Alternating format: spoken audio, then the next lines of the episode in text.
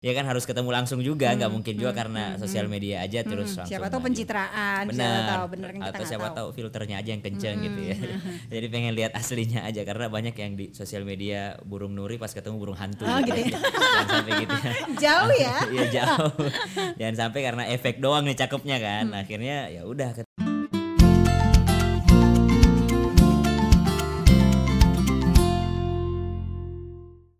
Assalamualaikum warahmatullahi wabarakatuh. Mams and Dad Orami Kembali bersama dengan saya Liza Maria Lijapri. Kali ini di edisi bulan Ramadan Saya ucapkan selamat menjalankan ibadah puasa Untuk semua Mom and Dads Orami di luar sana Nah edisi spesial bulan Ramadan kali ini Saya mau ngobrol-ngobrol Bersama dengan siapa? Bersama dengan Ustadz Syam dan Mbak Jihan Halo Assalamualaikum warahmatullahi wabarakatuh Waalaikumsalam warahmatullahi wabarakatuh Hadir pasangan suami istri baru ini nuansanya masih honeymoon banget. Ramadan pertama Ramadan pertama ya. Yes. Gim- ini berarti udah eh, berapa lama menikah ya? Ini kalau dari sebulan sebelum Ramadan ya sayang ya? Hah, sebelum berarti ini Iya. sebulan sebelum Ramadan. Tanggal berapa Rajab kemarin? Tanggal 27 Rajab. Tanggal 27 Rajab berarti satu bulan tiga hari sebelum Ramadan. Dan itu eh, gimana? Per- eh, sebelum masuk bulan Ramadan ini ada beda nggak rasanya gitu ketika mau masuk bulan iya, dipikirin pertama kali Ramadan ya punya suami punya istri ada nggak sempet ada persiapan khusus yang dilakukan eh, oh nanti mau buka apa ya? Lebih khusus masak atau apa? Ada nggak dari Ustadz Syam atau dari Mbak Jihan? Dari istri dulu lah. Eh, iya sih pasti yang harus nyiapin sahur atau apa. Cuman ternyata kan sahurnya di studio juga kan. Aku pikir bakal masak-masak nih ya ternyata enggak. Ah, jadi bukanya aja kan? Atau buka juga Buka di pun di studio? luar kayaknya ya. Wah, padat merayap ya alhamdulillah ya. Alhamdulillah. Oh, dari Ta- tapi sebenarnya kalau dalam hati pengennya sih disiapin sama istri gitu ya. Minimal kalau bukan istri yang masakin, istri yang nyiapin. Iya. gitu. Oh, jadi istri ikut dong terus ke Iya, studio. ikut selalu. Iya, mantap lah. Tapi kalau boleh tahu ya, kan kalau mendengar ceritanya, perkenalan kalian itu juga tidak tidak eh, lama ya. Enggak. Itu ceri- boleh cerita sedikit nggak Ustadz Syam? Oh, aku yang cerita ya. Nah, Karena kayaknya yang melakukan pendekatan pertama sang pria ya. Tapi yang su- yang inget tanggal tuh istri gitu. Ah, ya nang- oh, nanti di, di- ditambahkan tanggalnya kalau lupa. Jadi tanggal berapa sayang pertama kali? 27 Desember Ji, Jadi ini, ini 27. pelajaran aja katanya memang istri lebih mengingat loh. ah, Kalau Ustadz. iya Ah, masalah ah, angka ah, gitu ya iya. tanggal segala macam. 27 Desember pertama kali eh, DM tapi belum PDKT lah ceritanya cuma pengen kenalan doang, pengen kenalan. Eh, Tapi kenapa mau DM terus- Ustadz Syam? Oh, cantik. Ap- yang dilihat apa sih waktu itu lagi ada Wajahnya. konten enggak maksudnya lagi ada konten tertentu yang Yang pertama kali ngelihat konten yang bikin aku tertarik itu konten dia bahas tentang haid. hmm, hmm, hmm. Nah, kalau pembahasan tentang darah haid segala macam itu kan masalah ikhtilaf, masalah khilafiyah, artinya masalah perbedaan pendapat. Hmm, Tapi aku lihat cara pembawaannya itu walaupun perbedaan pendapat beliau nggak nggak strict terhadap satu pendapat aja. Jadi aku Nggak lihat kaku gitu ya? nggak kaku terhadap satu pendapat. Jadi aku pikir anaknya luas lah, cerdas lah. Karena semakin cerdas orang semakin mau menerima pendapat yang lain gitu. Dari situ pertama lihat, terus akhirnya ya pengen kenalan gitu kan. Apakah nyambung atau enggak gitu. Jadi akhirnya pas lihat ke DM. DM ke Instagram kan. Awalnya lihatnya di TikTok soalnya. ah, Kalau TikTok untuk nemu di Instagram namanya nggak aneh-aneh ya. Karena ngeling kan Ah. dari TikTok ke Instagram Iya. tuh ngeling. Karena kalau di TikTok tuh nggak bisa DM kan. Jadi harus ke Instagram dulu. Oh, ternyata di Instagram udah follow duluan. Ya gak sih? Ah sudah follow fallback, duluan DM pertamanya aku fallback di sini ya Ah. katanya. karena di TikTok dia nggak fallback siapa-siapa. Oke. Jadi TikTok nggak- emang nggak follow siapa-siapa. Akhirnya di Instagram aku follow dia alasannya. Iya. Dan ternyata dia balasnya pun ngerespon gitu kan. Hmm. jadi aku juga nggak masuk kalau nggak ada respon gitu. Akhirnya kenalan kenalan kenalan ya udah. Hmm, lama nggak tuh reply DM-nya tuh? Itu 27 Desember udah itu aja. Langsung dibalas tuh? Iya, itu langsung balas. penantiannya nggak ada deg-degan lama gitu ya Ustadz Syam ya? Aku tapi aku itu DM tuh DM kamu doang biasa aja nggak ada apa-apa. Tapi kan kadang-kadang ada DM yang dibalasnya dua minggu kemudian. Oh, enggak aku DM kamu langsung balas ya? Iya langsung di hari itu. Langsung di hari itu tapi aku balas lagi nggak iya balas. Terus kamu masih balas? Akurat akurat doang. Kamu nggak balas lagi? Nggak balas lagi. Oh, deg-degan. oh. deg-degan nggak tuh Ustadz Enggak juga sih karena karena karena belum ada baru rasa. awal Ah, iya. Terus abis itu pen- pendekatan berikutnya? Pendekatan berikutnya karena ngelihat story-story di Instagram akhirnya Iya. nggak ngelihat ke TikTok lagi, ngelihat di Instagram lagi, ngelihat kesehariannya, terus ngelihat tempat tinggal dia, terus ngelihat lingkungannya. Dan yang paling bikin aku tertarik ya lingkungannya gitu. Lingkungan. Kenapa Ustadz? Karena lingkungannya eh, lingkungan pesantren, lingkungan eh, orang-orang yang dekat dengan Al-Qur'an. Karena ingat satu hadis Nabi itu eh, almar'u ala dini khalilih. Seseorang itu tergantung daripada temennya.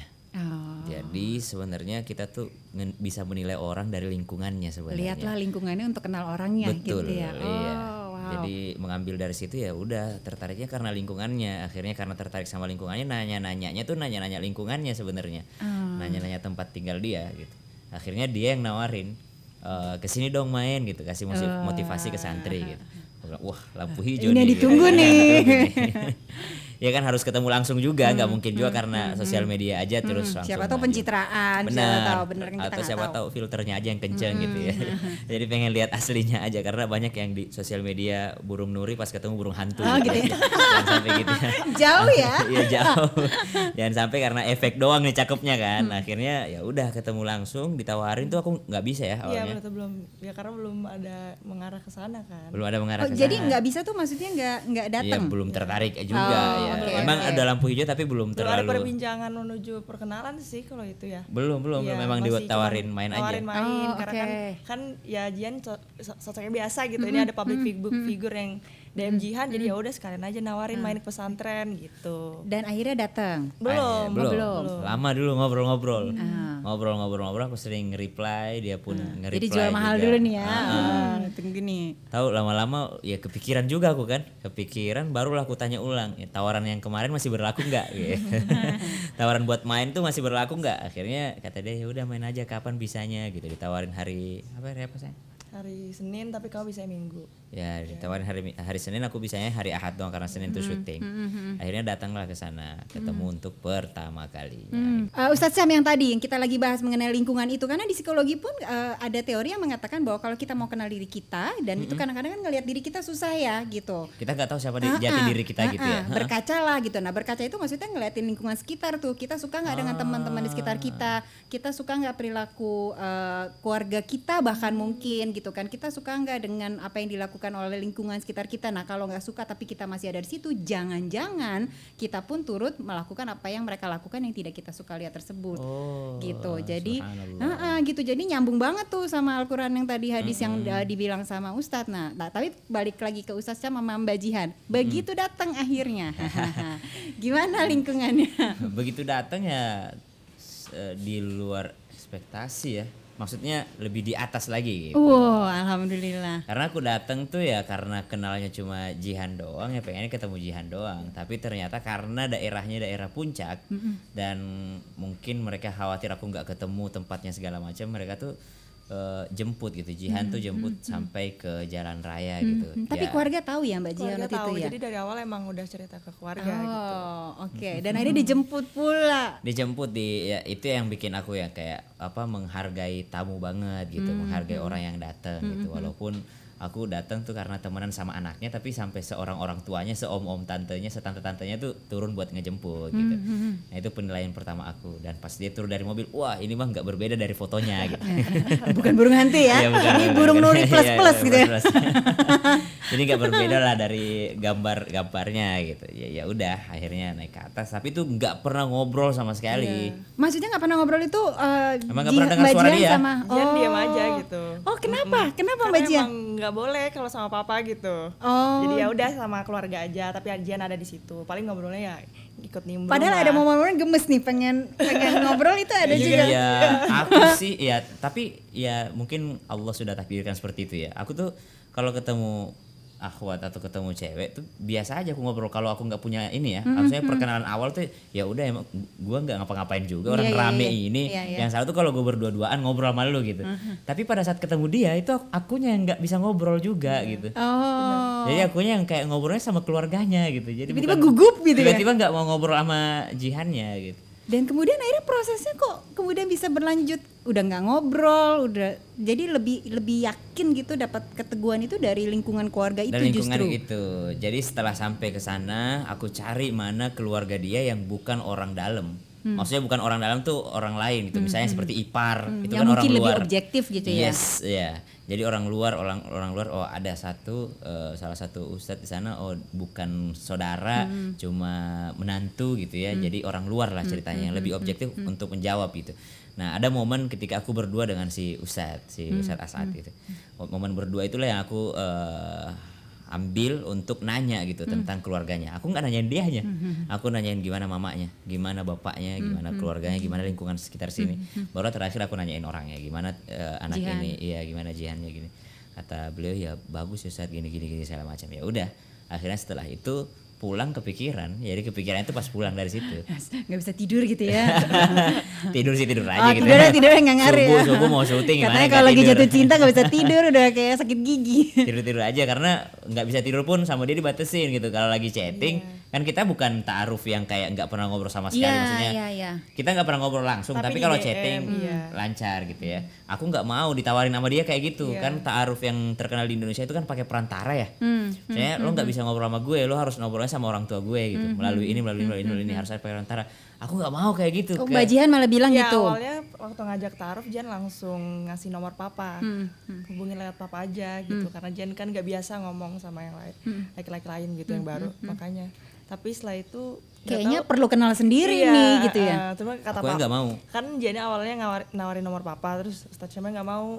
Baru tapi akhirnya Jan tanya ke mama papa ini gimana dilanjutin nggak chattingannya? Ya udah dilanjutin aja tapi kan mama selalu bantu jawab dan lain-lain jadi selalu diawasin mama lah jawaban-jawaban Jihan Oh, Mbak Jihan tuh anak ke dua dari dua bersaudara dan pertama kali menikah atau Enggak, kakak udah kakak pernah udah, berarti ya? udah, iya. Oh, oke. Jadi jadi udah pernah ada proses Iya, itu benar, juga iya. sebelumnya ya. Dan akhirnya berlanjut sampai akhirnya yakin gitu jadi kan. aku DM DM tuh sebenarnya DM DM sama mamanya bukan DM DM sama dia cuma pakai akun dia Cuman yang ngetikin orang lain Iya, gitu. iya. ya udah karena aku bilang ya nggak bisa lah aku kalau kayak kenal orang tuh tapi melalui perantara gitu. Apalagi perantaranya adalah orang tua kamu gitu ya. Ya kali ada orang tua ngejelek-jelekin anaknya gitu kan pasti yang yang dimunculin manis-manisnya aja gitu kan ya. Walaupun ada mungkin yang gak sependapat dengan Syam gitu ya. Karena mungkin teman-teman yang lebih syar'i di luar sana yang lebih soleh itu nggak mau kayak gitu. mau Tapi benar-benar Sam mau- sendiri aku rasanya nggak mau nggak pengen bisa kenal orangnya gitu. langsung dan aku gitu kan. ngomong juga sama mamaku kan. Aku bilang mak pengen kenalan sama anak ini tapi ka- katanya pakai perantara kata mama jangan beli kucing dalam karung kata dia. Jangan beli kucing dalam karung udah nggak ketemu nggak ngobrol pula kita mau kenalan gimana gitu. betul, jadi Pak, karena aku cuma pengen tahu gimana cara dia ngerespon di saat aku ngobrol ini nyambung nggak? Saat aku misalnya ngelucu menurut dia nggak lucu ya kan ntar akhirnya ini banget Dan ini insya Allah untuk seumur hidup ya. Kalau nggak nyambung Iya. seumur hidup gimana ya? Terus tapi gitu. akhirnya kok boleh bisa gitu. Gak tau lah dia. Aku aku pada saat itu pride juga. Lo nggak mau ya udah gitu. Gimana kok kok boleh sayang? ya tanya ke mama papa sih ini dilanjutin gak ya udah coba aja jalanin aja dulu kalau misalkan dia serius ya dia pak bakal terus ngejar kayak gitu kalau kata mama Hmm. Iya. Dan itu terbukti. iya dikejar terus Enggak apa-apa Pak, Pak Ustadz memang begitu perempuan kita selalu bilang kita yang dikejar ya. Emang iya sih aku nggak pernah nge DM dia duluan jadi selalu Ustadz yang duluan gitu jadi Oh. Jian cuma balesin doang apa pertanyaan dia Tapi andai dia nge-DM duluan langsung minus. Oh iya iya. Iya, apa bedanya Anda dengan fans-fans yang lain Iya, gitu. iya, betul betul betul betul benar ya. Jadi ini jadi pelajaran kadang-kadang jual mahal itu Iya. oke banget ya. Oke, nah Jual mahal boleh sombong jangan. Iya. Tapi akhirnya kemudian yaudah deh ini eh, yakin eh, kayaknya udah panggilan hati untuk menikah itu di titik apa kalau dari eh, Ustadz Sam? Kalau dari aku yakin untuk menikah itu di titik di mana aku udah mulai capek mencari yang sempurna.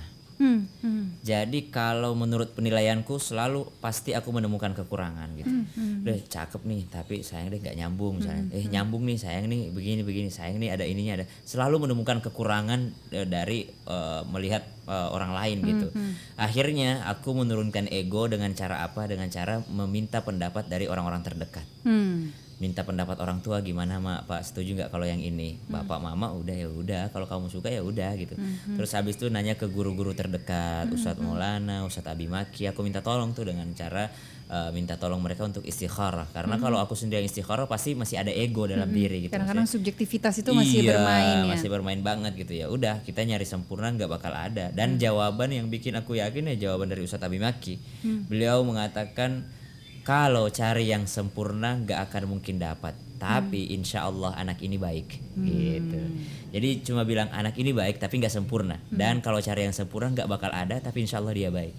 Nah itu aja satu kalimat yang membuat aku kayak ya udah maju aja aku. Bismillah gitu. Kalau dari Mbak Jihan, akhirnya juga punya keyakinan itu dan menerima pinangan nih dari Ustadz Syam? Kalau Jian dari awal tuh emang mau nikah tuh sesuai keinginan mama dan papa gitu. Kalau mama papa seneng, Jian mau gitu. Jadi keduanya harus seneng dua-duanya. Makanya Jian sebelum pas Ustadz Syam deket itu Jian bener-bener tanya ke mama papa, mama papa bener-bener suka atau enggak. Kalau nggak suka salah satunya Jian nggak mau gitu. Tapi alhamdulillah ya udah mama papa setuju aja gitu kayak. Dan berjalan Iya, begitu benar. lancarnya Iya, begitu gitu ya. lancar. Oh, kalian tuh beda umur eh, berapa tahun atau sama? Tebak. Ah, 8 tahun.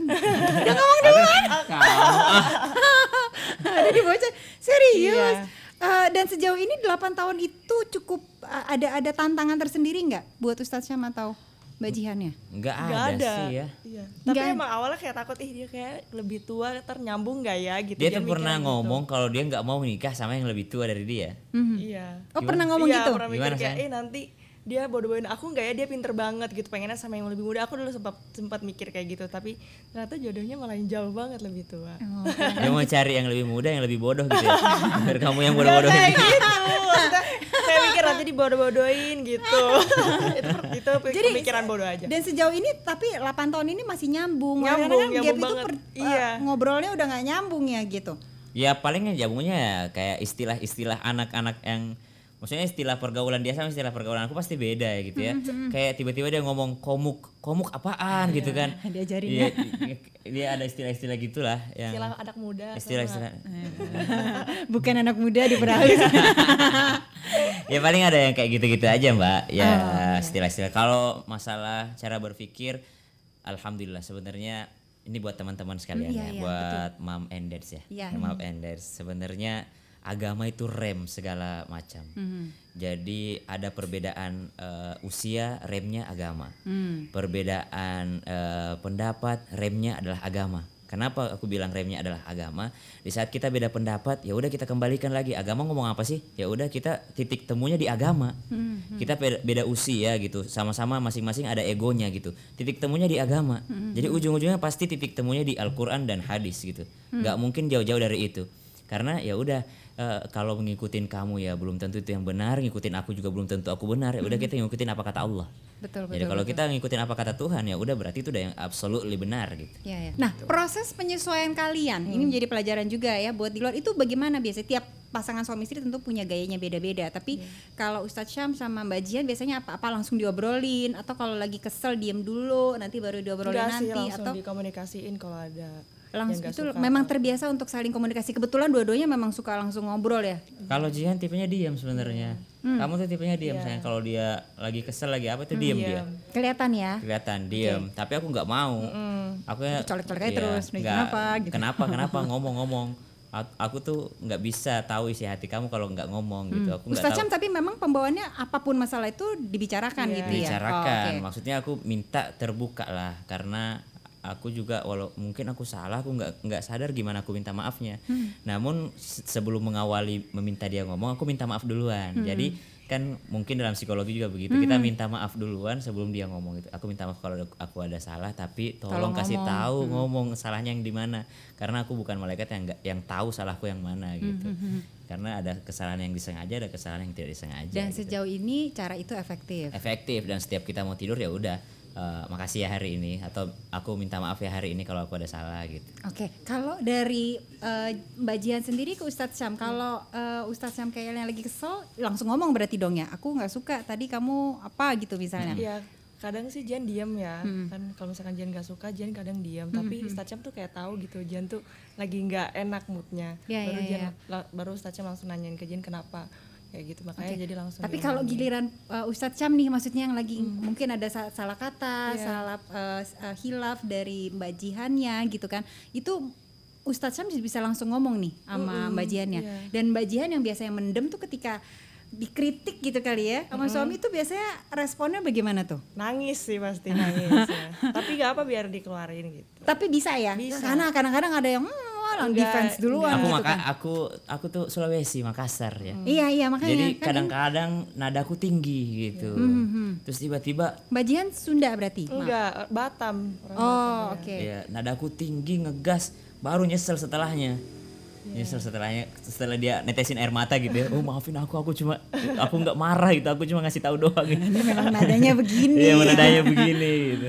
Dan sejauh tapi udah udah mulai dapet ininya Iya. lah ya. Eh, kira-kira nih jalan tikusnya, jalan tengahnya mana ini udah mulai dapet dong ya. Mudah-mudahan lah ya. ya walaupun kemarin aku tanya dia ternyata nunjukin jati dirinya itu baru 60% belum 100%. Jadi aku masih masih 40% nggak kenal dia sebenarnya. Belum ya. Kayaknya kalau bu- kalau buat saya saya menikah sampai kapan pun selalu akan ada kejutan-kejutan yang berikutnya kali baru. Oh, gitu ya? Iya, karena kan ma- manusia kan juga berubah terus ya. Ada proses Ah. belajar gitu. Syukur-syukur kalau proses belajar itu bisa kita lakukan bersama dengan pasangan.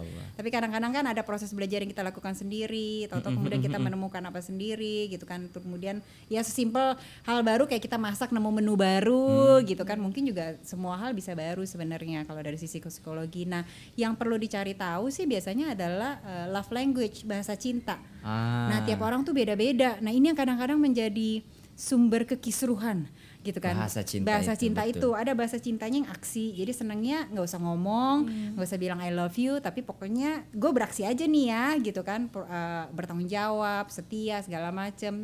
Eh, sementara kalau eh, pasangannya mungkin eh, word of affirmation, pengen denger tuh kata-kata cinta nggak pernah ngomong tuh kayaknya lu nggak pernah ngomong cinta sama gue, lu nggak sayang sama gue. Nah ini nih yang kadang-kadang kalau ditumpuk, tumpuk, tumpuk, tumpuk tuh bisa jadi Masalah besar. Ah, ah, karena nggak nemu ternyata bahasa sama-sama cinta tapi cara mengkomunikasikannya beda. Iya, betul. Ada betul, juga yang bahasa cintanya fisik, senangnya pelukan, sentuhan.